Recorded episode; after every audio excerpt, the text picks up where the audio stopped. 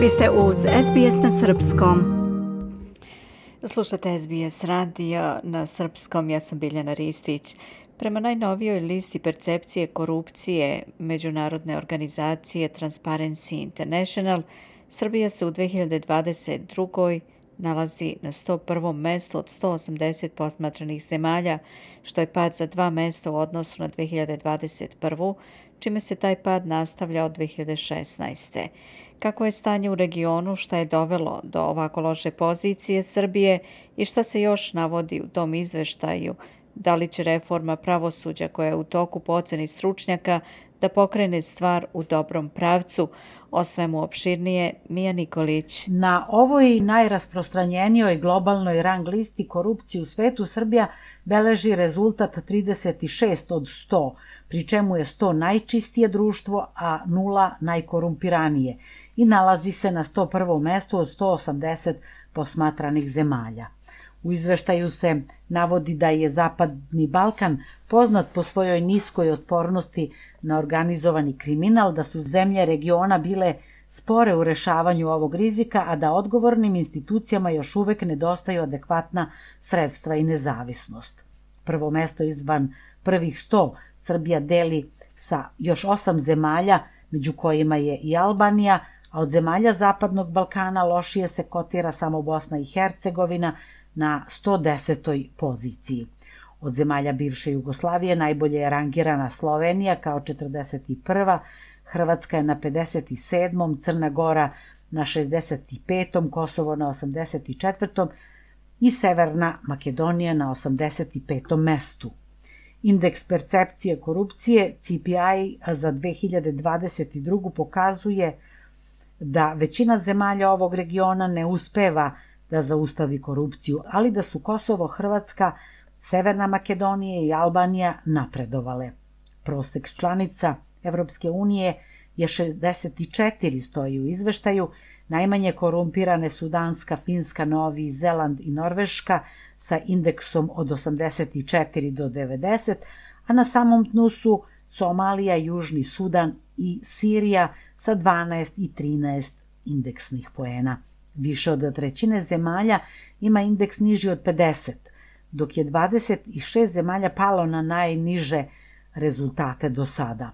Na predstavljanju godišnjeg globalnog indeksa percepcije korupcije Bojana Medenica iz organizacije Transparentnost Srbija je rekla da se ovim rezultatom, koji je najlošiji u poslednjih 11 godina, Srbija svrstava u grupu zemalja u kojima je korupcija raširena.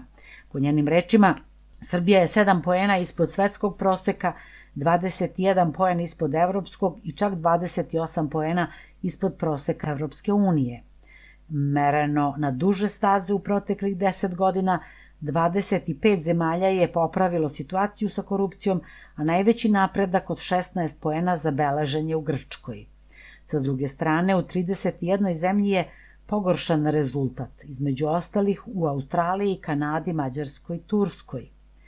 Po rečima Nemanje Nenadića, programskog direktora Transparentnosti Srbija, do sada se govorilo da Srbija stagnira u borbi protiv korupcije, ali sa ovogodišnjim rezultatom situacija je postala teža, posebno ako se meri trend u poslednjih 10 godina.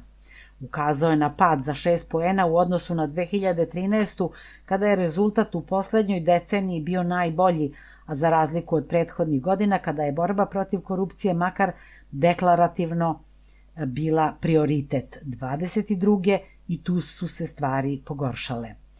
Nemamo strategiju za borbu protiv korupcije već duže od četiri godine, a u ekspozeu premijerke, osim nekih statističkih podataka o broju uhapšenih i osuđenih za razna krivična dela, nema nikakvih planova za budućnost, naveo je Nenadić. Ocenio je da malo nade daje reforma pravosuđa koja je u toku, jer bi jačanjem uloge u samostalnosti tužilaštava trebalo da bude i manje izgovora za nepostupanje. Govoreći o onome što je dovelo do ovako loše pozicije Srbije, Nenadić je pomenuo nekoliko uzročnika. Od nipodaštavanja antikorupcijskih odredbi u mnogim propisima, stanja u državnoj upravi i javnim preduzećima, gde i dalje postoji praksa stalnog zadržavanja vršilaca dužnosti do toga da se najunosniji poslovi dodeljuju neposrednom pogodbom umesto na tenderima. Nenadić je još kod prezentacije rezultata za 2021. upozorio da je sistem u Srbiji duboko korumpiran i da sama činjenica da vlast krije podatke o poslovima enormne vrednosti, da brojni slučajevi u kojima postoje razlozi za sumnju ostaju neispitani, daju razloge i za duboko nepoverenje i za loš plasman na svetskoj listi visoko korumpiranih zemalja. A u izveštaju Transparencija se navodi da je Srbija pala na istorijski nizak indeks percepcije korupcije uglavnom zbog kontinuiranog slabljenja vladavine prava i rastuće autokratije. Od 2018. vlada nije uspela da proizvede novu strategiju za borbu protiv korupcije i dozvolila je da se nastavi sa problematičnim politikama.